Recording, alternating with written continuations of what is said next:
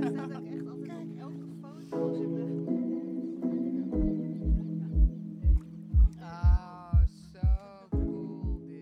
Je luistert naar de podcast van 10 Days Lifestyle. Ik ben Mion en samen met Barbara, founder van 10 Days. Wij zitten aan tafel met hele leuke en interessante mensen. Wat wij het allerbelangrijkst vinden is dat we echte gesprekken hebben. We zijn benieuwd naar hun persoonlijke verhalen, maar ook hun passie, missie en natuurlijk hun dromen. De gesprekken zijn spontaan, ongepolijst, geen filtertjes, geen opsmuk, gewoon just as we are.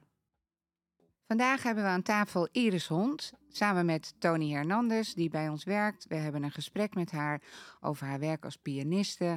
Zij treedt op in het concertgebouw, wat haar grootste droom was ooit als kind. En waar ze nu al meerdere keren op het podium heeft gestaan, alleen of met anderen. Iris houdt er ook van om minder bedeelden, daklozen en ook zelfs eh, mensen die eh, in verpleeghuizen zitten of in een gevangenis beland zijn, om die mee te nemen in de magie van ehm, ja, muziek. Ze vertelt wat er met haar gebeurt als zij als de deuren open gaan en ze de trap afloopt naar eh 17.000 mensen die naar haar komen luisteren en de warmte die ze voelt. Eh, ik hoop dat jullie veel plezier hebben met luisteren.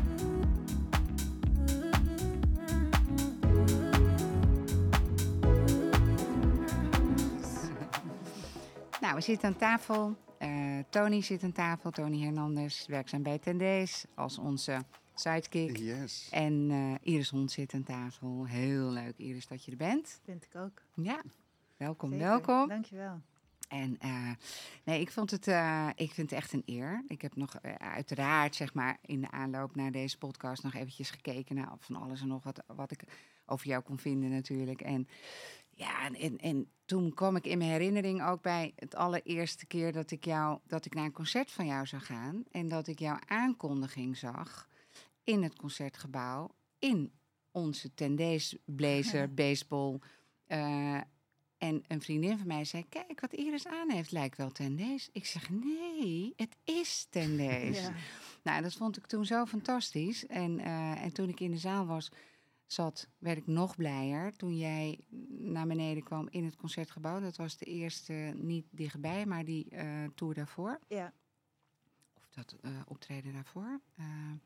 En toen zag ik jou naar beneden komen. Toen dacht ik, ja, zij gaat zo buiten alles wat we gewend zijn in, in een concertgebouw eigenlijk, qua kleding. Dus je bent echt wel wat dat betreft eh, eh, heel, heel ja, authentiek en, en, en bijzonder.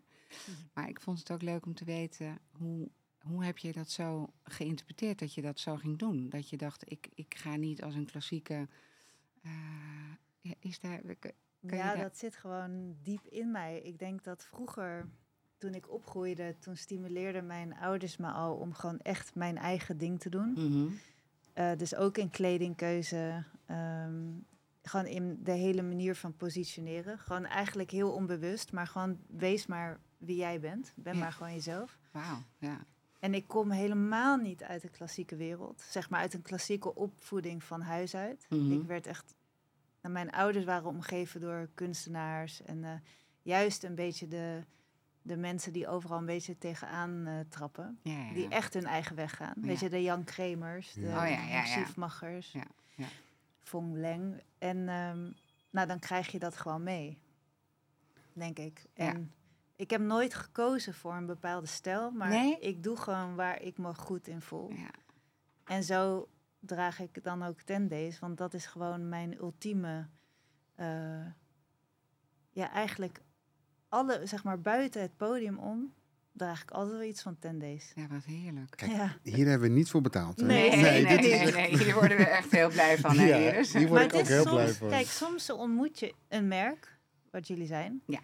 En dan past het. Dus Ja. dan van de stoffen Ja. tot de uitstraling, tot het hele gevoel als je het draait, draagt. Ja, dan hoef je ook niet, weet je, dan hoeven jullie niet te betalen om eh, reclame te maken, want Nee. dat draagt zichzelf. Ja, nou, dat Ja. is super fijn om te horen. Dat krijgen we. Ja, worden we daar gaat ons hartje van, wel een beetje van ja, ja, ja, ja, ja, ja, ja. ja. Nee, ja, dat is, maar weet je, het is een erkenning van Ja. ons. Hè? Want we, we, we, we vinden dat zelf ook. Hè? Mhm. dat, we, dat, dat we eigenlijk heel veel vrouwen kennen die als ze tendees dragen, dat je denkt, "Oh, je ziet er zoveel leuker uit als je het ineens draagt in plaats van iets anders. En dat is dan niet omdat je alleen maar, maar het, is, het doet vaak iets met iemand als, als, als in dat het bijdraagt aan, aan authenticiteit. Ja. En, eh, en als je een merk gaat dragen waar, waar, wat, wat om het merk gaat, of om de naam, of om het imago, of whatever.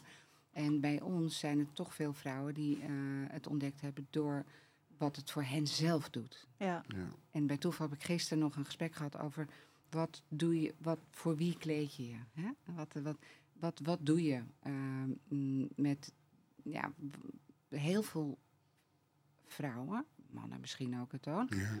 eh, kleden zich voor een gelegenheid. En daarom vond ik jou zo opvallend in dat concertgebouw. Want je hebt eigenlijk een ander beeld van iemand die in een concertgebouw optreedt. Zeker achter zo'n vleugel en de hele setting.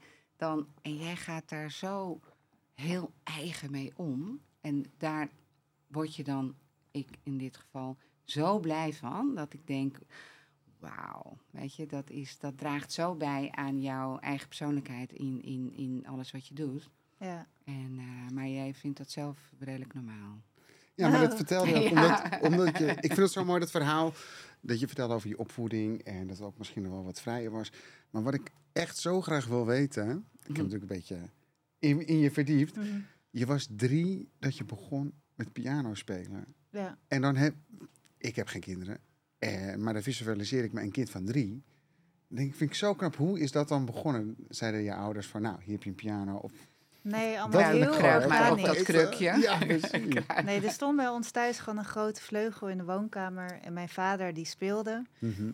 Ehm, er werd altijd muziek gedraaid. En we, en we kwamen, weet je, er waren ook wel eens huisconcerten bij ons thuis. Of we gingen ergens heen. Dus ik ben er wel mee opgegroeid. Ja, Ja, het zit er Maar ik ging in gewoon- genen. toen ik drie was, wilde ik achter die vleugel gaan zitten. En, eh, Nou, was je bijna vier of was je echt... oh ja, Net- dat weet ik niet. Dat zou ik even navragen. nee, maar ik was gewoon heel echt een kleintje. Die, Ja. zat, die nou ja, zat te pingelen, noem ik het dan maar. Ja. En vanaf dat moment heb ik eigenlijk alleen maar gezeurd of ik op pianoles mocht. Ja. Eh, dus toen ik denk net ze- zes of net zeven was, eh, ging ik op mijn eerste, ging ik op les? pianoles. Ja. En vanaf dat moment ehm, ja, werd dat gewoon mijn, ma- ja, het klinkt zo suf, zo eh, Nee? cheesy, maar Ja. mijn maatje, het was gewoon, Ja. Is het nou echt zo, Iris, dat je er talent voor moet hebben of dat je het echt kan leren? Want dan kom ik zo terug op Mio. nou ja, Want- allebei denk ik. Ja? Dus, ik dus tuurlijk, eh, ik geloof er wel in dat als je echt iets wil, dat je het kan leren. Ja. Eh, ook als je niet zoveel aanleg hebt. Maar dat ga je uiteindelijk wel horen. Dus ja. je hebt wel affiniteit met het instrument nodig. Of, eh, Of, Ja. met, of een gewoon een muzikaliteit in je hebben. Dat moet Ja. je wel echt wel een beetje hebben. maar het is ook gewoon heel hard werken. Ja, ja, dat geloof ik ook wel. Ik was laatst in het, in het AVL eh, en daar zat dan ook een hele mooie piano. En er stond gewoon ook een ja, jong iemand, ik denk 15, 16. En die was gewoon heel rustig zo aan het spelen. En elke keer als ik dan in zo'n ruimte kom en ik zie zo'n vleugel of een piano, denk ik, oh, dit wil ik ook heel graag. Ja. Maar dat kan niet, want het lukt gewoon niet. En Maar ik vind het gewoon heel bijzonder dat ik dan het verhaal dan lees dat je drie bent. Dan denk ik, oh wauw, dat heb je echt, ja, dan heb je echt liefde voor, eh, Maar ja, als, als je opgroeit met destijds Ja. een vleugel, was het een vleugel? Ja. ja.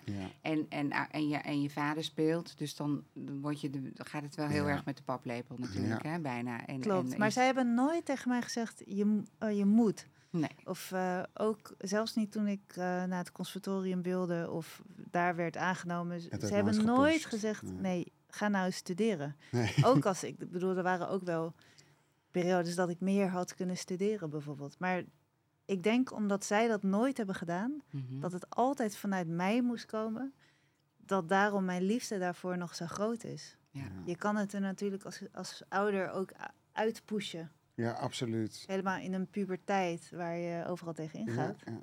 normaal gezien. Ja. Maar ik vind het wel heel mooi, eh, ik vind jou wel, een, laat ik het zo zeggen, een hele mooie combinatie met eh, hoe je bent en, en, en de passie voor, hè, voor je werk en, en als, als pianiste. En, want als ik dan kijk naar je, dan word ik, ben ik echt wel een beetje jaloers. dan denk ik, oh, als je toch zo helemaal één bent met zo'n vleugel. En eh, ik heb een tijdje pianoles gehad, hè. En eh, ik heb een vleugel thuis staan, dus ik nodig je nog een keer uit. Ja, leuk. en ik ben natuurlijk ook zwaar fan van Ludovico Einaudi. Ik, ik, ik heb dat ook eh, aan mijn pianoles, eh lerares toen gevraagd. Nou, ik ga niet al die eh, rare liedjes en zo. Ik wil gewoon Einaudi spelen. ja. En zij heeft dat toen, zeg maar met wat aanpassingen, ben ik dat ook gaan spelen. En ehm, ja, iets anders dan dat jij dat doet. Nou, gelukkig maar. Maar ik, ik kon me daar wel, ik werd daar wel zo blij van. Ik, en ik heb zelf ook heel veel opstaan thuis natuurlijk. Mhm. En, eh, maar dat, ja, weet je, als je te laat, of tenminste, ik heb dat in een hele andere fase van mijn leven ben ik natuurlijk gaan spelen. En, en, en het was meer ook omdat ik een vleugel een heel mooi meubelstuk vind. Hè? Dus, en ik heb Stijltechnisch staat dat mooi in. Ja. Mion, je moet wel even vertellen hoe je aan die Ja, vleugel bent Ik was gekomen. wel bang. Ik heb hem gisteren verteld. Ik, eh, er zit een hele grote, eh, ehm, eh, hoe noem je dat? Een, waar ze vleugels verkopen zo. Hoe noem je zo'n eh, een, een muziekwinkel? Nee, Ja. een- En muziekwinkel. ja, ja, ja, ja. In Veenendaal. En zo'n Oh, ja. hele grote. Bol, piano. Ja, ja, bol, ja. En eh, daar ging ik naartoe, want ik dacht, oké, ik, ik wil graag een vleugel in mijn huis. En, ehm, maar ja, hoe, hoe gaat dat normaal natuurlijk als iemand zelf al speelt? Dan ga je daar allerlei vleugels proberen en dan ben je natuurlijk zelf eh, de kenner enzovoort. Maar ik speelde nog niet, dus ik zei tegen de jongen die daar verkoper was, ik zei, kan jij even op die spelen voor mij? En op die. En toen had hij het op drie, had hij even een beetje wat gespeeld en zo. Ik zei, doe maar maar die. en toen, maar het was huurkoop, hè, dus het was wel een beetje een makkelijke keuze voor mij. Maar toen zei zo'n collega, is die mevrouw al een keer eerder geweest of zo? Nee, het is de eerste keer. Eh, in een kwartier. Ja, ik weet het ook niet, maar... en dus dat, daarmee maakte, Ja. maakte ik wel een klein beetje geschiedenis in mijn vriendenkring. Van, Ja. nou ja, Mion ging vleugel kopen en die ging gewoon, weet je wel. Dus totaal andere beleving, Iris. En, eh, maar ik ben wel nog steeds heel blij dat Ja. hij er staat. En ik, eh, ik, ik heb heel lang een lerares gehad die ook... Want ik las dat jij ook Rachmaninov eh fantastisch vindt, hè? Mhm. En zij was echt eh, groot fan van eh Rachmaninov. En terwijl toen ik mijn eerste les bij haar had, had ze een fotootje van Rachmaninov boven, boven de piano hangen daar. Toen zei ik, is dat je vader? Want ik keek echt zo'n fotootje. Nou, hmm, dan had ik natuurlijk helemaal iets heel verkeerds gezegd. Hè? Maar, ehm, maar Iris, dus dat, dat, die vleugel en op drie. En, maar je ging ook zelf al een beetje componeren. Ja, dat heb ik. Nou, hoe- ik was elf toen ik het allereerste stukje schreef. Oh ja. Maar dat heb ik echt als ehm, soort dagboek bijgehouden. Dus, dus toen nog helemaal niet van hier wil ik ooit iets mee. Nee. Sterker nog, ik, ik hield het eh, vooral verborgen omdat eh, mijn pianodocenten vonden het allemaal maar eh, sentimentele onzin. Oh, echt? nou, die uitspraak heb ik ooit gehoord. Dat vergeet je ook nooit meer. Dat vergeet je Nee, nooit meer. nee. Dus ik durfde het eigenlijk, ja, het kwam niet in me op om daar iets mee te doen. Mhm. En toen had ik net eh, een plaatcontract bij Universal en mijn eerste album uitgebracht met echt klassiek werk. Dus met Rachmaninoff en Chopin en Scriabin. En toen vroegen ze mij op een gegeven moment, wat wil je nou opnemen voor je volgende album? En toen dacht ik, alles, alle klassieke muziek is al zo mooi opgenomen. Ehm, en er zijn zoveel klassieke pianisten die dat repertoire sp- spelen, die, wat honderden jaren geleden al geschreven is Mhm. toen dacht ik, ik wil eigenlijk mijn eigen muziek eh, gaan ontwikkelen. En nou ja, toen heb ik daarvoor gekozen. Ja. Oh, en dat geeft zo'n ja, totale andere voldoening. Ja, ik kan me dat voorstellen, Toon. Ja. Dat je, te- kijk, alle creatieve beroepen vind ik allemaal... Ik kom, heb altijd meteen toch een bruggetje ook naar die, eh, het, het- de opbouw van een collectie, hè? Als jij een stuk schrijft, dan ga je natuurlijk ook in een bepaald gevoel en een bepaalde emotie. eh, de- en dan op een gegeven moment, dan, dan moet je het misschien ook weer even laten liggen. En dan of je... Hè? Ik kan me zo voorstellen dat dat op die manier ook gaat, toch? Ja, zeker. Ja. Nou, wat ik wel mooi vind ook, als ik zo terugluister... Vrijheid is ook gewoon heel belangrijk. Hè? Want vanuit Tendees, ik werk ondertussen voor acht jaar nu voor Tendees. En eh, ja, wij maken mooie kleding, maar een uitgangspunt is vrijheid. En ook wat Ja. ik net hoor over je opvoeding, is vrijheid ook gewoon belangrijk. Mhm. En dat jij dan vrij bent door je ouders van, om te doen wat je wilt. Maar ook vrij zijn in de kleding die je draagt als je achter je vleugel zit of piano. Dat je je er ook gewoon goed in voelt. En dat is gewoon ook, denk ik, hartstikke belangrijk. En de creativiteit, muzikaliteit, is het woord vrijheid gewoon heel belangrijk. En dat is ook wel een overeenkomst. Nou, het is zo makkelijk. Mensen willen men, andere mensen of, of wat je doet altijd zo graag labelen. Ja. Ja. Of in een hokje stoppen. Want dan is het gewoon overzichtelijker. Dat, in ieder geval, ik betrap mezelf daar ook wel op. Terwijl ik totaal geen voorstander van hokjes ben. Nee. Eh, en in creatief zijn, tuurlijk moet je richting geven. Weet je, ik, ik, kan, ik denk ook wel na over mijn muziek. Al hoe moeilijk, dat, hoe- moeilijk ik dat ook vind. Dat ik niet de ene dag eh, popliedjes aan het schrijven ben. En de volgende dag piano solo. En dan weer met een, met een band eh, wat meer de, de progressieve rockachtige, Ja, weet je, ja. de funky. Ehm, dus je wilt wel een richting kiezen. Alleen, het hoeft niet in een hokje. Ja. Ook als mensen vragen, ja, wat is nou, beschrijf jouw muziek is, waar past dat dan bij? Is het jazz? Is het klassiek? Ja, nee, het is beïnvloed door zoveel verschillende stijlen en door alles wat je hebt meegemaakt en wat je hebt gehoord.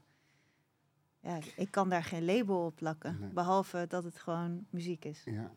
Maar heb jij eh, enorme spanning, eh Iris, als jij eh, bijvoorbeeld in het concertgebouw die hele zaal vol ziet zitten en dat je dan die trap afkomt en dat je, heb je, voel je dan spanning of voel je dan juist van, oh wauw, hier ga ik, eh, wat, hoe werkt dat? Nou, het concertgebouw heeft iets magisch. Ja. En ik, ik het was als echt toen ik een heel klein meisje was, dacht ik al van, nou, dat is gewoon mijn doel, mijn droom in, dat, in die grote zaal van het concertgebouw.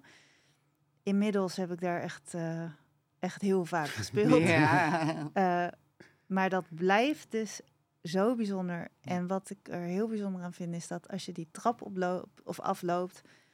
ehm tuurlijk heb je spanning als je daar voor die deuren staat. En staan er twee van twee grote jongens. En die Ja. trekken dan die deuren open. Ja. En dan hoor je dat applaus. Dus het is ja. altijd heel erg spannend. Maar op het moment dat je die trap afloopt, ja, dan omarmt die zaal je. Dus Ja. in één keer, ja, ik voel me dan gelijk thuis. Dus Ja. het is, ik kijk die mensen, er komt gewoon een geweld van warmte en liefde en enthousiasme op je af. Ja, Ja, en ze zijn dan, er eh, ook echt voor jou, maar ook natuurlijk, het zijn allemaal muziek, ja, eh Muziekliefhebbers. muziekliefhebbers. Ja, Dus klopt. dat is dan wel, ik denk ook wel dat je die warmte dan ook Ja, echt ze komen ook echt voor jou. Ja, absoluut, dat denk ik Ze ook. komen echt Ja, voor jou. Als jij dit nu zo vertelt, krijg ik helemaal kippenvel. Ja. Denk ik, Ik ben heel blij dat jij mij een keer hebt meegenomen naar het concertgebouw. We zijn een keer samen naar een eh, pianoconcert geweest. Dat was toen van jouw lerares. oh ja, van, Jij zit mij nou verbaasd aan te kijken. Te wie is jouw lerares? Ja, Me- Meerte heet zij. Zij, is, eh, zij komt van oorsprong uit Bosnië. En zij is klassiek geschoold ook. Zij is op een gegeven moment eh, naar Nederland gekomen, maar ze was totaal ongelukkig in Nederland. En, eh, zij, en, en muziek was wel echt haar, haar uitlaatklep. En ik, ik zal nooit vergeten, Iris, ik ging naar mijn eerste les naar haar. En zij woonde op een, een, een of ander flatje in Noord. In, ik woon zelf ook in Noord, maar zij woonde in een iets minder leuk buurtje. En eh, ik zette daar mijn auto neer en het was daar heel stil op dat binnenpleintje, waar ze dan al die flats zo hadden. En, en zij was aan het spelen. En ik hoorde haar, ik hoorde die muziek en zij was fantastisch ook. Hè? Ja. Dat was echt, echt. Ik, ja, ik, eh, ik, ik weet even haar achternaam niet, anders zou je haar misschien wel eh, meer te. Pap, pap, pap, ik weet het even niet meer. Maar in ieder geval, ik hoorde die muziek en ik dacht, ja, voor haar maakt het helemaal niet uit dat ze hier woont. Ze heeft haar muziek. Hm. En eh, ze heeft een dak boven haar hoofd. En ze is Bezig met wat ze wil. Bezig Ja. met, ja. En dat hele appartement stond alleen maar vol met... eh, want ze speelde ook eh, cello. En ehm, ze, ze stimuleerde haar leerlingen ook. Omdat we dan hadden we een leerlingendag één keer in de, het half jaar. Nou, dat vond iedereen vreselijk. Want dan moest je ineens voor anderen gaan spelen. Alleen zij wilde graag dat iedereen dat gevoel meekreeg van... het is ook leuk om voor anderen te spelen in plaats van alleen voor jezelf. Ja. Dus dat deed ze heel goed. Ja, En- wij zijn dus dan een keer op en zo'n toen ben jij, en, ja. maar zij trad ook op met drie andere eh, eh, pianisten in het concertgebouw, maar dan in die kleine zaal. En daar heb ik dan jou mee Ja. naartoe genomen. Maar ik heb Ja. wel inderdaad eh, af en toe, als zij, daar optrad, dan nam ik anderen mee. Inderdaad. En ben, zijn wij toen met z'n tweeën? Nee, Manon was mee. Eh, Oh, we waren dan. wel met een groepje toen. Ik vond het zo indrukwekkend. Ik zie het concertgebouw vaak, maar nooit naar binnen geweest. Terwijl ik echt... Ik hou van geschiedenis en van mooie gebouwen. En nu was ik toen net wat jij dus beschrijft over hoe magisch het is. Het is ook heel magisch om daar als gast te zitten. Mhm. Dus dat Waren is, Rick en Antoine toen ook mee? volgens mij waren die ook mee. Ja, Ja, want ik weet nog dat ze tegen mij zei... je zat met allemaal mooie mannen daar op de eerste rij. Ja. ja. Super lief. ja. Hey, Iris, ik heb echt één vraag. Ik, heb, ik ben Dat echt is je tot- tweede of je derde Oké, vraag al, oké, oké. heb- Ja, maar dat komt Hij hangt aan je lippen, Iris. Ik ben een sidekick, dus ik moet me af en toe inhouden. Nee, eh, ik, heb, ooit- ik ben echt totaal niet muzikaal. En ik heb ooit een, een muziekles gehad op school. En toen zei echt die muziekleraar, jij moet echt niet geen muziek kiezen. Dus ik ben meer de creatieve kant op gegaan. Dus ik tekenen, nou, maar dat soort dingen. En toen was ik, eh, ik heb altijd in de horeca gewerkt. En toen was ik eh, een keer gewoon borden aan het uitserveren. En toen was er een vrouw. En die was dus ook, ja, ik ken haar naam niet. Maar ze was dus eh, lerares voor de piano. En zij pakte mijn handen bij het uitserveren. En ze zegt, jij hebt pianohanden. Ze zegt, speel je piano? Is het zo dat je pianohanden kan hebben? Wil Jij zit al- ja, nu wil ik weten. Heb ik echt, of was deze vrouw gewoon dronken en wilde ze aan mijn handen zitten? Nou, ze Ik- dat zeggen, denk ik ik denk dat laatste, ja. Nee, ja, ze zeggen natuurlijk als je lange, dunne... Kijk, eh, ik heb typisch pianohanden, lange, Ja, dunne ja, vingers. Ja, ja, ja. Eh, jij hebt, eh, ik zou zeggen, meer cello-handen. Nou, Maar kijk, uiteindelijk, ik ken fantastische pianisten die hebben zulke min, mini, mini handjes en vingertjes. Of hele dikke worstenvingers. Ja, dit, Dus het zegt het zegt helemaal Het zegt niks. echt niks. Nee, het gaat erom wat, eh, wat, hoe de verbinding is tussen je, denk je gevoel en je, zeg maar, je innerlijke wereld. En hoe dat dan naar je vingers geleidt. ja, hoe je. En ja, hoe je hebt echt, slank, mechanisch je hebt bent. echt slanke handen, inderdaad. Ja. Slanke vingers. Ja, maar het zou een beetje gek zijn als zij... eh, Nee, dat is ook zo, natuurlijk. Ik, Nee, maar het maakt ik ben dus niet zelf ook wat ronder.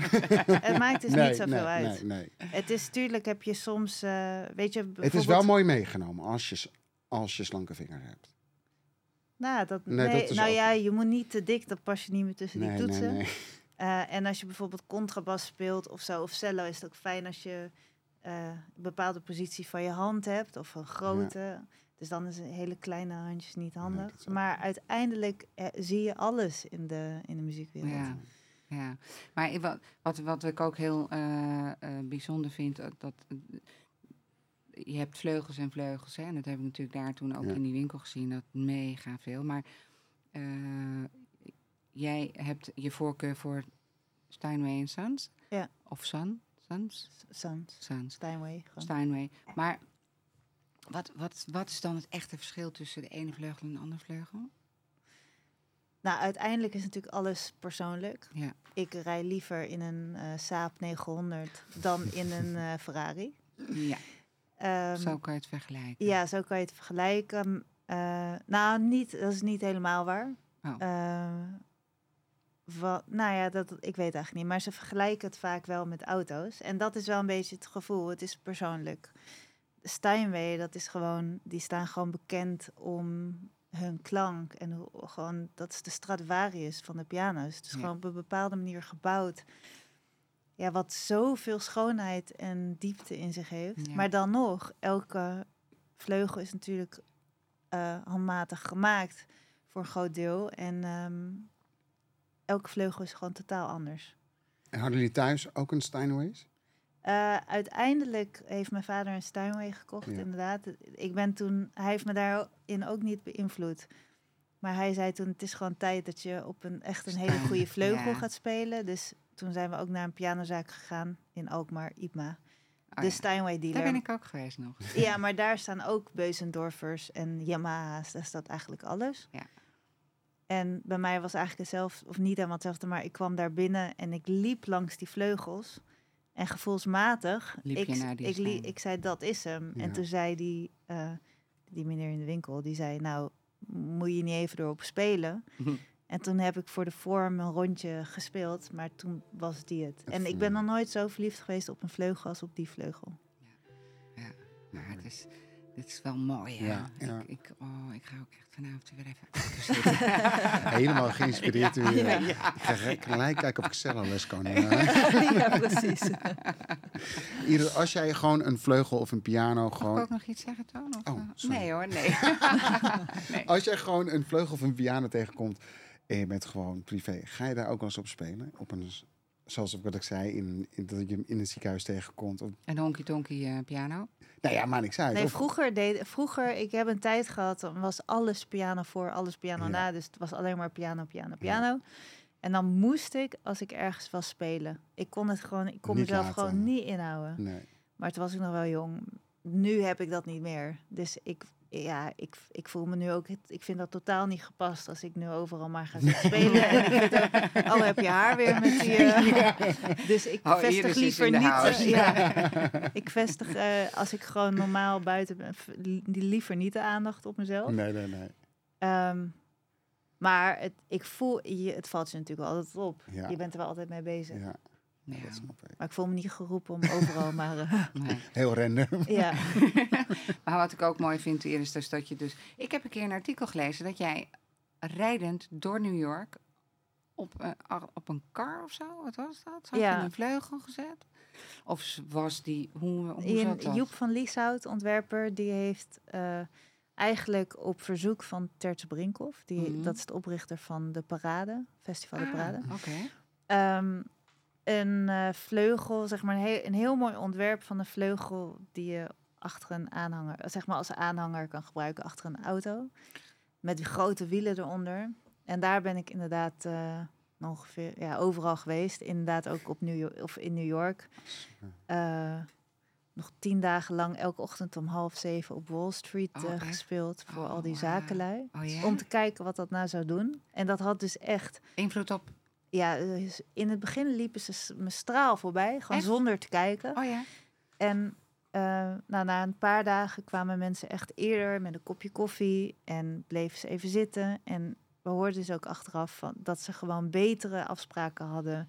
Veel fijner waren voor de omgeving, beter leiding konden geven. Ja, bijzondere. Ja. Dus dat, eh, nou ja, dat, dat voorbeeld gebruik ik nog wel eens. Van je kan dus met muziek zoveel eh, bereiken. bereiken. Ja. Ja. op, eh, en op de meest uiteenlopende plekken. Ja, want dan komen we natuurlijk wel bij jouw eh, optredens ook voor zeg maar minder bedeelden of voor mensen die eh, nou ja, ziek zijn of gevangenen of in de gevangenis. En toen dacht ik, ja, dat vind ik wel echt ook Super heel bijzonder. bijzonder en mooi Ja. dat je dat doet. En, maar hoe is dat ontstaan eigenlijk? Dat je daar zo... of... Ik ben ooit, eh, toen was ik nog heel jong, ben ik gaan spelen voor dakloze mensen. Oh ja? Eh, ik, had als, eh, ik ben heel jong het huis uitgegaan. Mhm. En toen kreeg ik eigenlijk heel snel een, een band met een aantal dakloze mensen. En nou, op, die wisten gewoon dat ik piano speelde, dat ik concertpianiste wilde worden. En ik heb op een gegeven moment een aantal mensen bij elkaar geroepen en ben ik voor hen gaan spelen.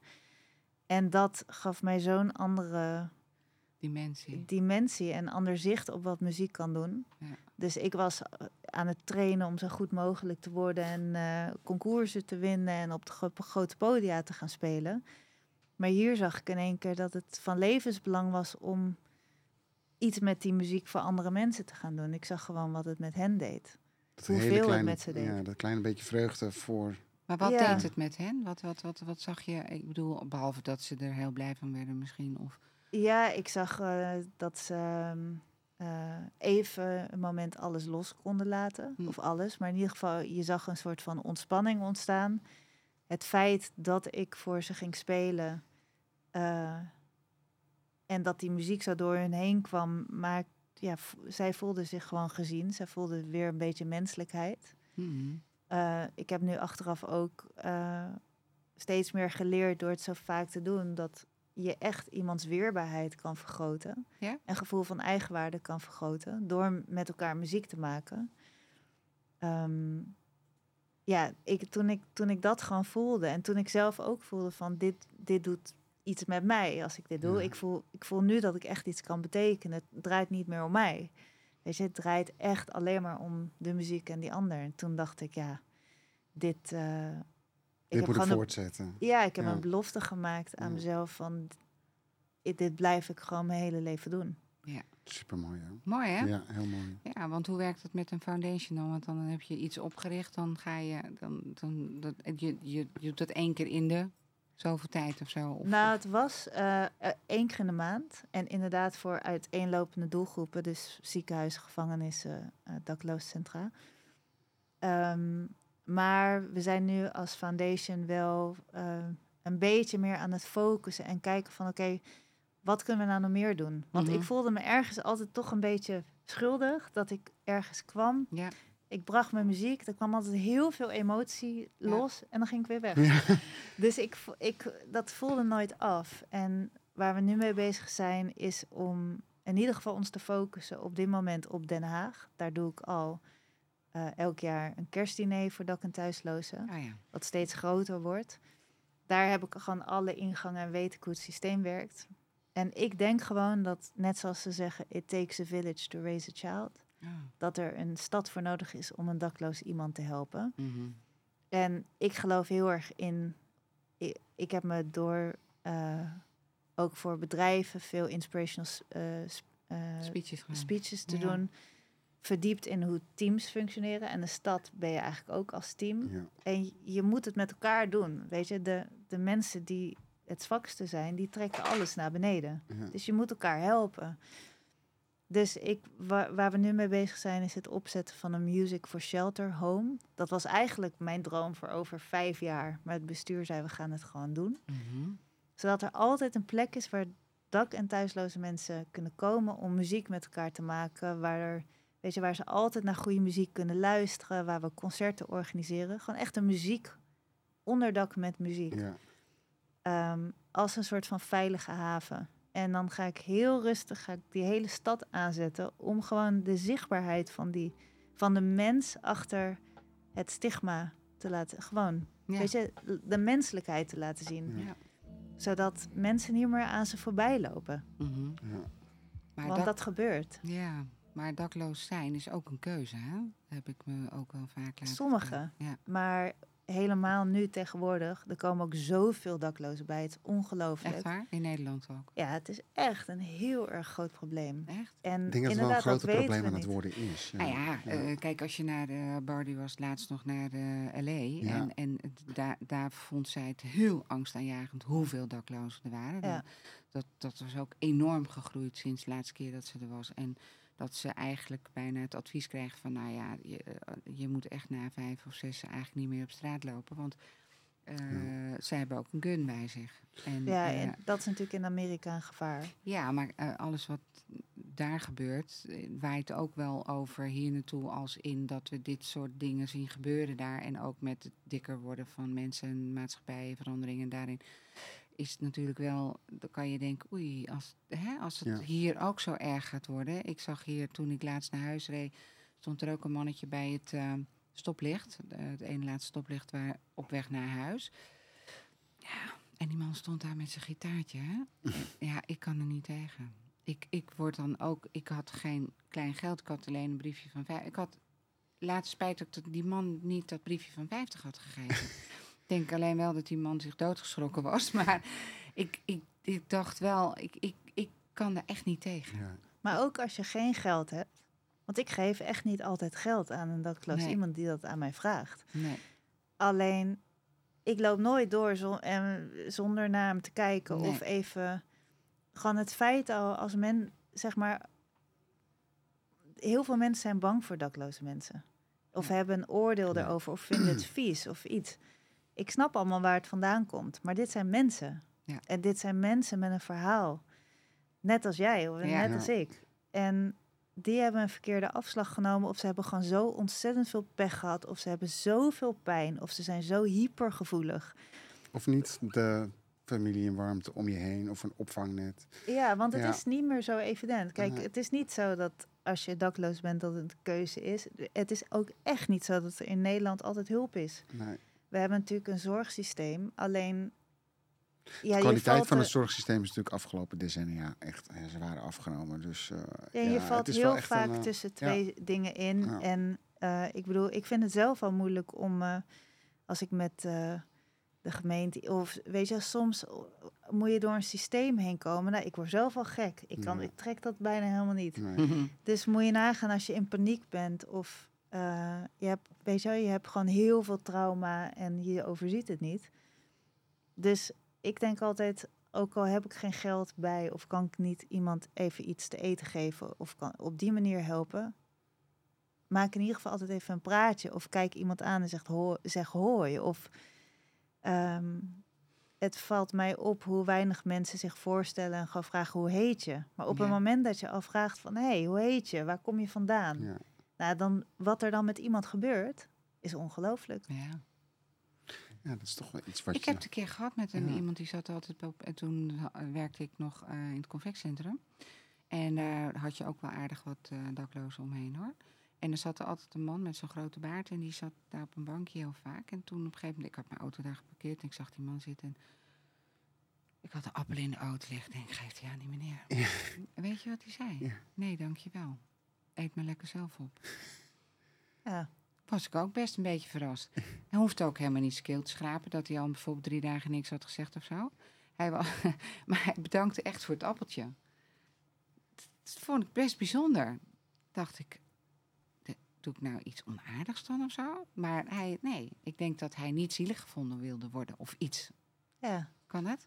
Dat ja, je- dat kan ook zeker. Maar ik weet, wat ik wel heel mooi vind wat Iris nu vertelt, is dat je, dat doet mij meer nadenken. Ik denk, ik loop wel soms gewoon voorbij. Hm. Ga ik denk toch nog wel iets minder doen. Minder snel doen. Ja, Al is het maar gewoon een klein beetje contact leggen. Ligt natuurlijk wel aan de persoon. Of, o- hoe jij dat aanvoelt. Maar dat, dat kan ik denk ik wel. Ik denk dat ik dat wel nu wel iets meer ga doen, ja. Weet je, ik heb een heel mooi voorbeeld. Ik Ja. zat in Den Haag met mijn vader te eten bij een sushi-restaurant wat helemaal glazen wanden Mhm. heeft. En wij zitten voor het raam en mijn vader die was, ik organiseerde al heel lang dat kerstdiner. Ik was altijd bezig met die dak- en thuisloze mensen. En nou, mijn ouders die, ja, die waren er niet bijster in geïnteresseerd of die vonden allemaal van ja, moet je nou weer? Die waren er gewoon niet zo mee bezig. En ehm, ik zie zo een, een dakloos iemand, eh, Bruce, voorbij lopen met een, met een rollatortje. En het was stervenskou buiten. En ik ken hem heel goed, dus ik zei tegen mijn vader van... wacht heel even, ik moet heel even naar Bruce toe. Ik moet heel even naar buiten. Want hij had geen sjaal om, et cetera. Mm. Dus ik denk, geef hem mijn sjaal. Dus ik sta even met hem voor dat raam te praten. Ik geef hem mijn sjaal. En Bruce vraagt aan mij, wat doe je hier? En ik zeg, hier, kijk, dit is mijn vader. We zitten hier te eten. En Bruce kijkt mijn vader aan. En Bruce is een heel oud mannetje. En ik zie mijn vader, die, zij kijken elkaar aan en woest, gewoon die begint zo, ja, de tranen biggelen over zijn wangen.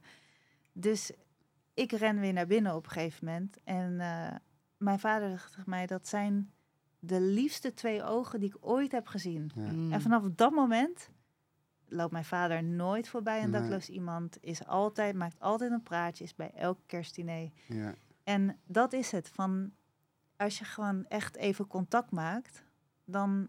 En tuurlijk, je kan iemand treffen die zegt wat moet je. Ja. Of je kan iemand treffen die zegt, nou nee, ik hoef je hulp niet. Of iets. Nou, dat heb je jij dus altijd. had. Ja, ik, ik, ik, ik heb maar blijkbaar... dat heb, je normaal, dat heb je gewoon in het leven. Mm. Ja. Alleen dat neemt niet weg dat het goed is om wel, zeg maar, ja, op een menselijke manier met iedereen om te Ja. gaan. Absoluut. En als je weet wat dat kan betekenen, die, voor die ene persoon kan het gewoon een, een verschil maken of een positieve beweging in gang zetten. Nou, ik vind het mooi dat je er zo voor inzet en dat je zoveel doet ook. En dat er zoveel mensen zijn eigenlijk die zich daar ah, eigenlijk liefst niks mee te Nee. maken willen hebben. En ik moet wel heel eerlijk zeggen, als ik eh, op reis ga en ik kom in landen waar echt het verschil heel groot is met onze levensstandaard, dat vind ik echt lastig hoor. Ja. En eh, ik was een keer in India, dat ik, eh, heb ik twaalf dagen in zo'n resort gezeten waar ik, hoe heet het nou met al die olietjes en zo? Massage. Nee, In wat voor nee, retreat nee, was dit nee, nou weer? Oké, ik kom er zo wel op. Ja. Maar in ieder geval, dat, was, dat is echt, echt eh, heel goed voor je om, om zo'n eh, treatment te doen. En eh, het was niet super luxe of zo, maar eh, dan liep ik daar de trappetje af naar beneden, naar het strand. Wa- Wat, wat, het was een hele woeste plek, echt op, waar twee oceanen bij elkaar Ja. komen. En, eh, maar in ieder geval, altijd zat daar één en hetzelfde mannetje. Die zat onderaan die trap. Ja. En die, als die eh, lag te slapen, dan ging die gauw overeind, want er kwam iemand langs, weet je wel. En hij zat daar te bedelen. Maar hij had ook allemaal spulletjes te koop. eh, allemaal spulletjes waar je echt, mm, nou, waar je eigenlijk niks aan hebt, maar waar ik uiteraard, uiteraard wel van gekocht heb, omdat ik hem iets wil, ik hem iets gunde. Ja. Maar die man maakte me, op mij ook de indruk dat hij eigenlijk heel happy was. Want hij had daar voor zijn gevoel een prachtige plek Mhm. onderaan de trap van, dat, eh, van die plek waar toch mensen kwamen van all over the world om daar die treatment te doen wat ik gedaan heb.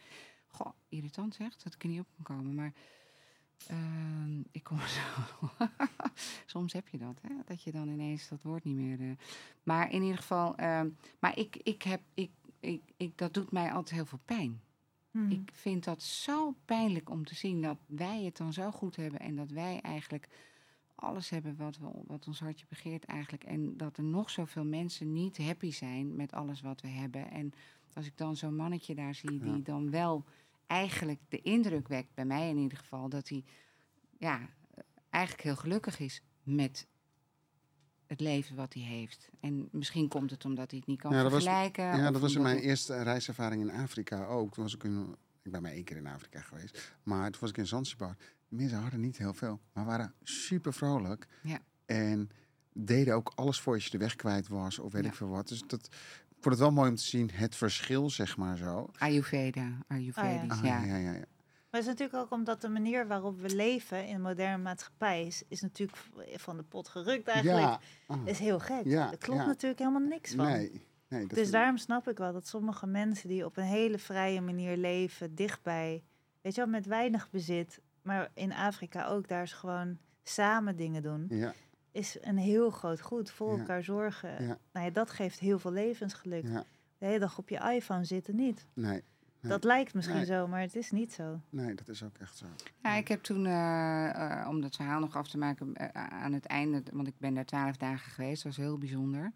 En toen heb ik een paar kaarten gekocht bij die man. En Ja. toen heb ik eh, voor mezelf opgeschreven hoe ik me daar voelde en wat ik voelde en wat, wat, wat zeg maar die, eh, ja, dat verblijf daar met mij gedaan had en zo. Maar ook het zien van die grote verschillen en eh, hoe, ja, hoe, ja, hoe rijk wij zijn eigenlijk. Hè? Maar eh, rijk in, in materiële zaken en, en niet echt rijk in, in hoe we het beleven. Mhm. Nee. Want dat, dat vind ik altijd wel confronterend hoor. Waar je ook naartoe gaat, hè? Of je nou. eh, poeh, Nee, het eh, kan natuurlijk overal zijn. Hè. Ik bedoel, binnen Europa hebben we het ook. Ik bedoel, ik was in Lissabon, daar vond ik het ook. Dat ik dacht, wow, ook veel... eh, eh, Armoede. ah, zeker weten, ja, absoluut. Maar ik vond dat het verschil met... Ja, als je gaat reizen, zie je dan wel echt wel verschillen. Dan denk je echt, wauw, dat is echt een besefmoment.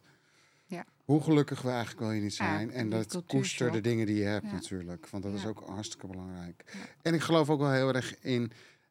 ehm, dat geef je me nu wel heel erg mee.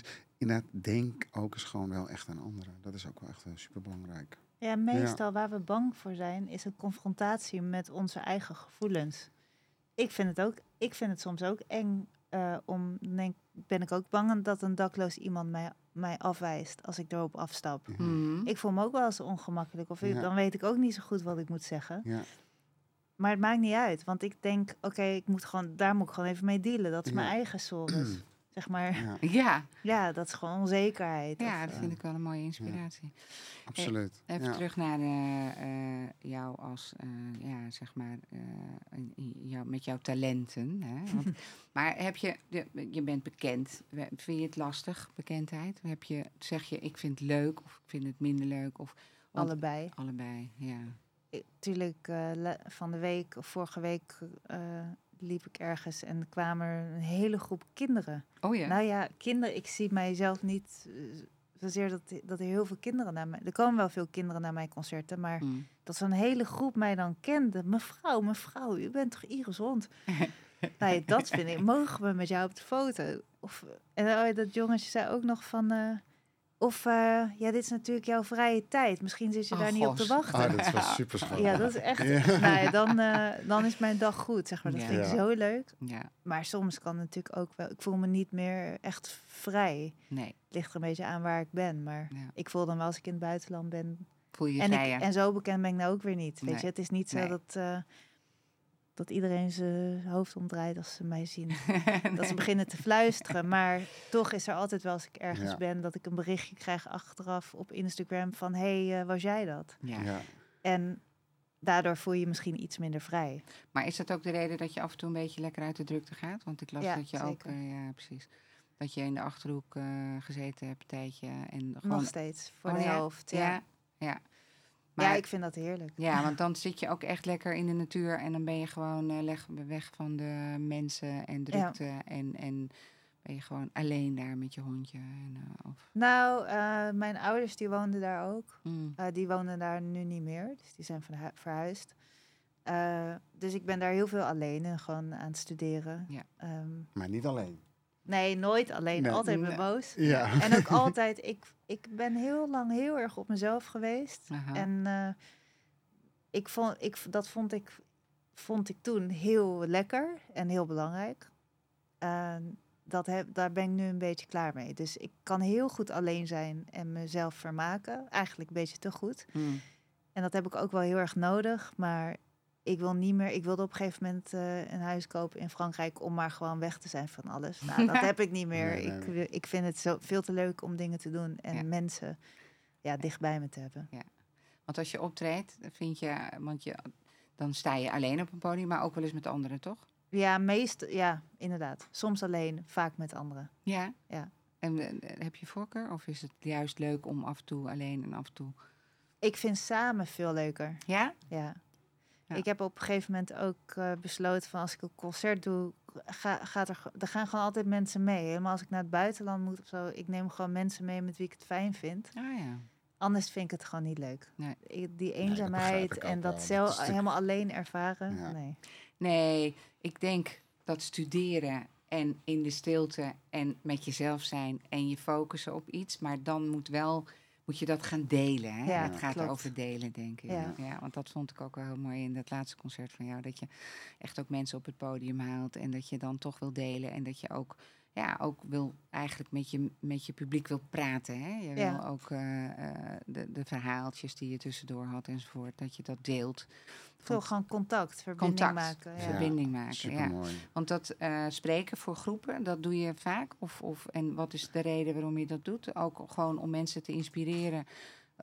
of, of hoe moet ik het zien? Nou, ik werd, ik werd gewoon eerder gevraagd als uh, als pianiste wel eens bij een bedrijf. Van wil je mm. op een event uh, van mm. ons spelen? Dus dan deed ik dat. En op een gegeven moment vroegen ze van... kan je niet ook iets zeggen? Of de presentatie doen? Of, uh, en toen ben ik dat steeds meer gaan doen.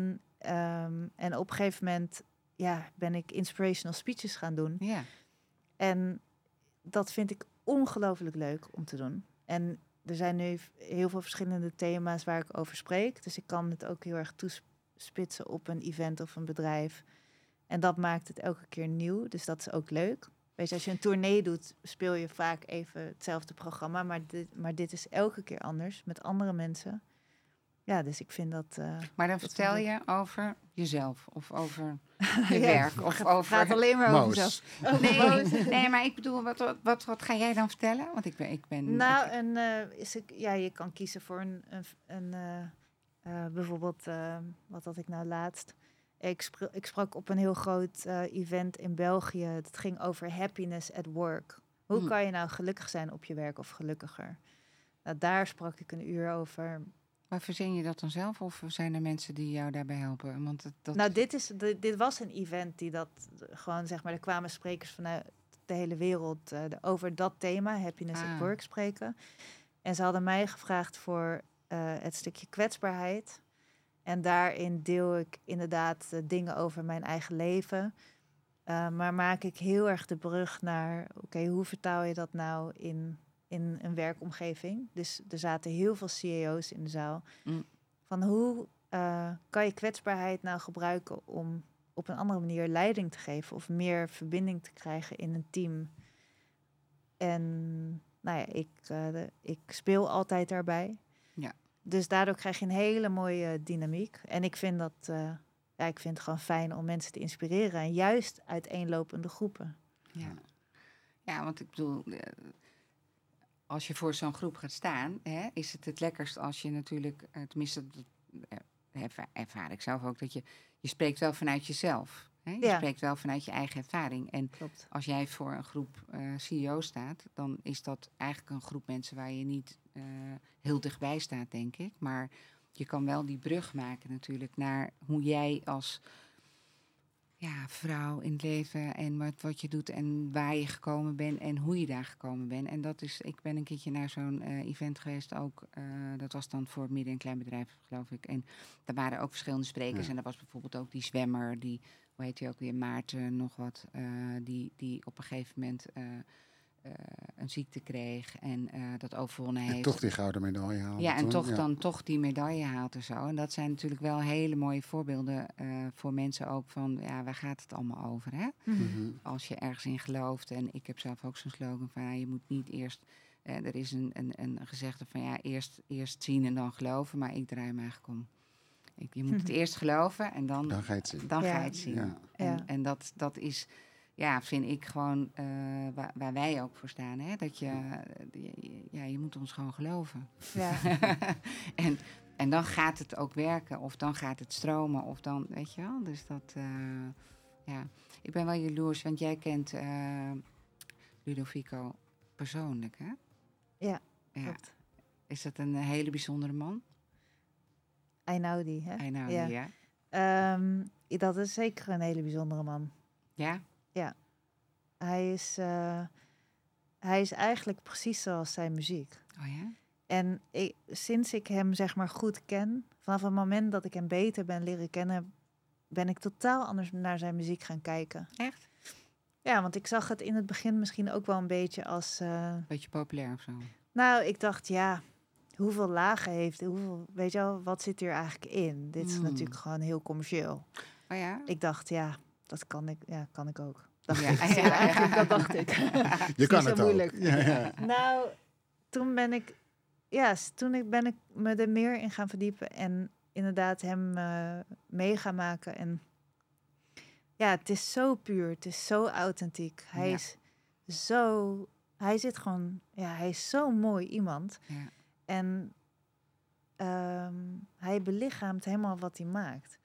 En ja, dat raakt mij elke keer weer. Ja. En daardoor speel ik zijn muziek ook nog. Ja, want ik, ik, ik bedoel, als, als Iris dat gaat spelen, eh, Toon, dan, dan, ja, dan, ga, dan ga je helemaal... Ik, ik, ik ga echt helemaal mee en weg Ja. met die muziek. Ik vind dat, eh, maar misschien is het vrij commercieel. Ik, ik weet het eigenlijk niet, maar Nou, het weet heeft je mij waarom het wel echt commercieel is? gepakt. Het is Ja. commercieel omdat het. eh, ik bedoel, hij heeft het niet commercieel geschreven. Nee. Na hem zijn natuurlijk heel veel pianisten. Hij heeft gewoon een eigen genre gecreëerd. Ja. En wat heel veel wordt nagedaan. Maar dan voel je dat het toch wat anders is. Omdat het niet echt is ja, misschien. omdat het niet echt is. En Dus het wordt commercieel gemaakt. Ja. En hij heeft Nou, dat... anderen hebben zich laten inspireren die het een beetje... Ja, Nou ja, vergelijk die het doen maar het met na. een- Het is gewoon een copycat, hè? Ja. Het is Ja. gewoon niet echt. Dus Nee. wij hebben ook en niet allemaal, eh, helemaal wat vanuit het diepste. hmm. Bij hem komt het, Nee. dit is hij. Gewoon zijn Ja. koor, zijn hart, dat is dit. Ja.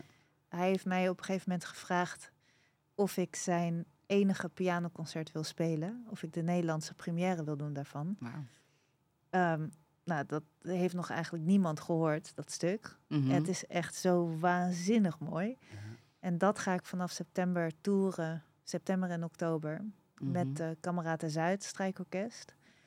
En daar zie je, hij schrijft natuurlijk voornamelijk korte stukjes.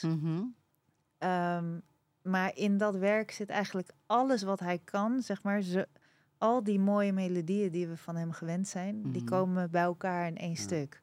Wauw. Dus dat wordt, en dat is, ja, ik voel me gewoon heel erg vereerd dat hij mij daarvoor heeft ja, dat gevraagd. begrijp ik. dus dat wordt wel echt Ja. een feestje elke keer. Wauw, dus we hebben eigenlijk een beetje een primeurtje Ja, dan Ja, dat is wel een hebben primeurtje, ja.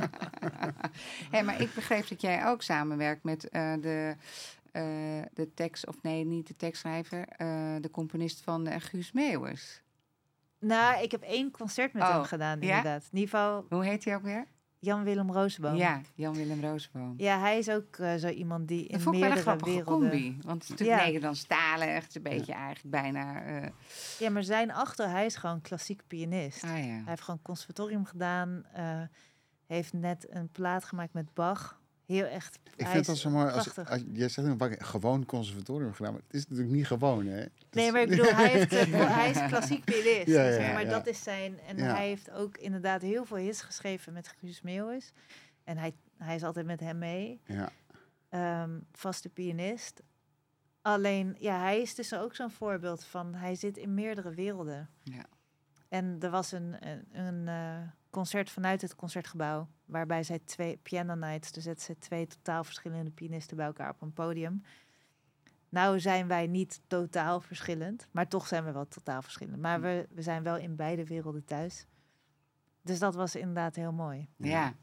Ja, ik vond, wel, ik vond dat leuk. Weet je, oh ja, en ik moet ook nog echt even denken aan dat. eh, ik, daar wil ik toch iets over zeggen. Ja. Voor mensen die nog nooit eh, naar een optreden van jou geweest zijn. Maar wat ik, wat, waar je mij ook echt helemaal mee ingepakt had, zeg maar. was dat je op die high heels die trap overkomt in Ja, het concertgebouw. Vervolgens die schoenen uitdoet. naast de vleugel zet. Ze ook niet meer aantrekt.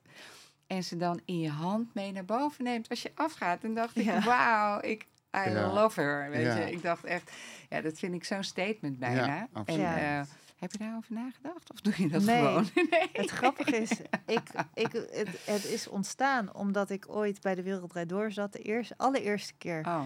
En toen was ik gesteld door een styliste. Mm. En die, had, die trok mij hele hoge hakken aan. Ja. Dus, eh, nou oké, dus ik kom daar en ik ga achter die vleugel zitten, maar ik paste er niet onder met mijn benen. Ja.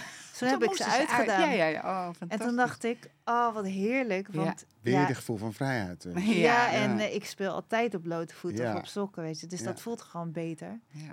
Nou, vanaf dat moment eh, Is dat blijft een het soort... erin. en nu het- is het inderdaad een herkenningspuntje. Ja. Voor mij is het een manier om een beetje mijn publiek te checken. Als mensen gaan lachen, dan Ja, denk ik, oké, fijn. Ja, ja. ijs is gebroken. En het is voor mij echt een moment van, oké, als je opkomt, wil je er mooi uitzien. Je Ja. wil gewoon opkomen. Maar daarna gaat het om de muziek Ja. en wil ik eh, daarmee bezig zijn. Supermooi, earth. ja. Ja, super mooi. Ik dacht altijd wel van, nou, ik zou wel een flinke schoenensponsor. Het zou wel een merk zijn die, eh, die hakken wil. ja, eh, ja, ja. Maar eh, tot nu toe... eh, want die Maar- zijn natuurlijk altijd... Is Die dat zijn een altijd dingetje? in beeld. Ja, ja. Ja, nee, echt. Ik, maar dat, ik vond dat. en Kijk, en ik let natuurlijk toch op misschien andere dingen. En misschien valt het iedereen op. Hè. In dit geval denk ik wel dat, dat de helft van de zaal het wel opvalt. Ja. En, eh, maar ik vind het altijd wel mooi hoe iemand omgaat met, met het een of het ander. Hè. Dat is. eh, ja, ik heb ineens een, een, een flashback naar een situatie met een meisje die. ehm, eh, ja, nu lijkt het net alsof ik alle delen van de wereld wel van alles doe en zo. Maar ik was afgelopen december in, in Thailand, in Kamalaya. Ik weet niet of je dat kent. Dat is zo'n, ja, ook zo'n fantastische plek om naartoe te gaan. En daar had ik een detox gedaan en daar kun je allerlei programma's doen. En ik had gewoon een relaxprogramma en heerlijk was dat. Tussen met kerst en oud en nieuw zat ik daar. Dus geen eh, eh, grote maaltijden met veel eten, maar gewoon heel zuiver en heel lekker. Nou, strandje daarbij. En, maar toen was daar een meisje. En dat meisje viel me heel erg op. Niet alleen mij, maar ze had dus één eh, kunstbeen. En, ehm, maar wat ik mooi vond om te zien, was dat zij dat kunstbeen was zwart. Het zwart, een zwart, een- beetje eigenlijk opvallend materiaal. En, en daar hing een schoentje aan natuurlijk. Maar ze, wat ze deed, was... De, ze, ze, ze bouwde haar hele outfit om dat been heen. En, maar, dus ze droeg korte rokjes of jurkjes. En ze had dan een petje op, ook in zwart, en een, een rugzakje. En ze maakte het helemaal onderdeel van haar eh, look. En dat vond ik zo knap. En Ja. op een gegeven moment zat zij op het strandje en ik ook. En verder was er niemand. Dus ik ging naar haar toe en ik stelde me voor. Ik zei, goh, wat leuk, waar- wie ben je? Waar kom je vandaan? En toen bleek ze uit Londen te komen. Een heel leuk meisje was het. Zo mm, eind 20, begin 30. En ehm, toen heb ik haar een compliment gemaakt over hoe zij... Oh, ik zeg, ik weet natuurlijk niet wat er gebeurd is en misschien is het een heel na verhaal. Ik zei, maar ik vind wel dat je er heel... Ik, als, uit, als, als, als zeg maar iemand die het opvalt, eh, hoe je daarmee omgaat, vind ik fantastisch om te zien. Ik zei, ik denk echt dat je hier een inspiratie bent voor heel veel mensen. Toen keek ze me aan en zei ze, ben ik me eigenlijk helemaal niet van bewust. en eh, ze zegt, het enige is, ik had eh, toen ik, want ze had een heel zwaar ongeluk gehad, daar is ze toen de been mee verloren. Met een vrachtwagen was, had ze ongeluk gehad. En ehm, ze zegt, toen had ik eerst een kunstbeen in een huidskleur. Ze zegt, en dat vond ik eigenlijk heel naar. Ja, Want Ja. dan leek het net een echt been. Ja. En dan zag je mensen een beetje kijken van, "Maar volgens mij is dat been helemaal niet echt. Weet Ja, je wel? ja, ja. ja. En ze zei, nu valt het gewoon op. Nu is het duidelijk. En nu, Nu moet ik ermee dealen. de ja, rest en ook. dat vond Ja. ik zo, dat vond ik echt heel mooi. Ja. En, eh, maar daar waren wel allemaal ook ja, ook een verzamelplek toch wel van mensen die, waar ik dan wel naar kijk en denk, oh interessant, weet je wel. En, maar ook om, om er iets van te weten. Ja. Ja. En, eh, ja, en daar, daar, dus ja. ik Ook hou- mooi om van te leren. Hè? Ja, ik Ja. hou ervan om, om, kijk, als je eh, een break wil, dan kan je natuurlijk met een vriendin ergens naartoe gaan en dan ben je gewoon, zit je weer in je eigen verhaal. Maar terwijl als je ergens naartoe gaat waar je allemaal al- nieuwe mensen om je heen hebt en een beetje geïntegreerd bent dan eh, op een plek waar mensen komen die misschien iets, ja, niet allemaal middle of road zijn, maar wel gewoon, ja, dit dus. Ja. En niet dat daar, eh, zij was echt de enige. Nee. maar ik weet niet hoe ik hierop kom. Maar het, is wel, het gaat wel over jezelf durven zijn ook, hè? Met Ja. alles wat erbij komt. Ja, we zijn natuurlijk zo bezig met eh, perfectie. Ja. In ieder geval, ik ben heel erg, imp- of heel erg perfectionistisch. Ja. Maar, en ook natuurlijk de, ma- de maatschappij gewoon in schoonheid. Ja. En eh, ja, alle, je kan alles weg eh, Filteren. filteren, botoxen, alles. Mensen krijgen gewoon een heel raar beeld. Ja. Ja. En uiteindelijk is natuurlijk ehm, de dingen die, eh, die jou maken, dat zijn de imperfecties. Ja. Ook vooral. Ja. Ja. Ja. maar dat is heel moeilijk. Maar dat is wel een hele Ja. mooie les. Om, Ja. eh, Ja. Nou ja, wij hebben het toch gehad, hè? Embrace imperfection. hè. Ja. Dat is, dat, ik, ik denk, ik hou ervan hoor. Als mensen, ik vind het heel naar om te zien als mensen ja, van alles weg proberen te moffelen en te doen. Hè? maar Dat, misschien eh, moeten we het niet imperfectie noemen eigenlijk. Nee. Want dat is misschien wel Nee, juist... want dat is heel Ja, negatief. ja en dan, precies. Dan, eh, heb je een soort mankement. ja. Terwijl, Ja, maar ja, goed, als jij bijvoorbeeld in verhouding hele grote voeten hebt, bijvoorbeeld. ik noem Ja. maar even iets simpels. nou, toevallig. nee, jongens, maar ik denk dat we een beetje aan het einde zijn. Maar eh, Iris, heb jij nog iets waar je van zegt van, oh ja, dat is echt mijn grote droom? Of heb je alle dromen al waargemaakt? Nee, ik, ja, ik heb hartstikke veel dromen. Ehm, nou, mijn, er zijn twee grote dromen nu. Dat is natuurlijk met mijn stichting, om dat hele plan in Den Haag, eh, daar zeg maar een soort pilot of een soort voorbeeld mee te creëren. Mhm. En echt iets kunnen bijdragen voor Mhm. dakloze mensen. En als we dat eenmaal hebben, kunnen we dat naar andere steden brengen. Mhm. Dus da, da, dat is wel echt, dat is gewoon een missie. Dat zit Ja, gewoon diep in mijn hart. Ja. Aan de andere kant eh, vind ik het gewoon mooi om mijn muziek te delen met mensen. Dus natuurlijk ook op het concert of in de zaal. Als mensen in de zaal zitten, kan die muziek heel betekenisvol zijn. Ja. En het is geweldig dat mensen ervan kunnen genieten als ik speel. Ja, dat Ja. blijft iets, ja, iets ontzettend moois. Ja, ik, heb, ik was laatst in de Ziggo Dome. Ja. Moest ik spelen tijdens de avond van de filmmuziek. En speelde ik ook Einaudi. En toen za- zat ik midden in die zaal en die 17.000 mensen of 18.000 mensen om me heen. En toen dacht ik, oh, Ja. ik heb een nieuwe droom. Over vijf jaar, Ziggo Dome, met mijn eigen muziek. Oh ja. In één keer voelde ik dat zo. Ja. Dus ik zou daarin wel gewoon echt eh, stappen willen maken. Ja. Maar uiteindelijk, kijk, als ik mijn eigen muziek kan schrijven, dat kan uitvoeren, mensen daar blij mee kan maken. En voor mensen die het gewoon nodig hebben, ook echt iets kan betekenen. Ja, dan ben Ben ik, eh, gelukkig. ben ik gelukkig. Nou, mooie Mooi. afsluiter, hè? Ja. Super fijn. Ja, ik vind het een, eh, ik- het is een mooie missie. Ja, Ja. en eh, ik vind echt dat je zowel van binnen als van buiten een heel mooi mens bent. Maar lief. Ja. Dankjewel. Veel van je geleerd. Ja, Supermooi. Dankjewel. Dankjewel. Nou, fijn om hier te zijn. 10 Days Talks wordt geproduceerd door Mickey Media. Bedankt voor het luisteren en tot de volgende aflevering.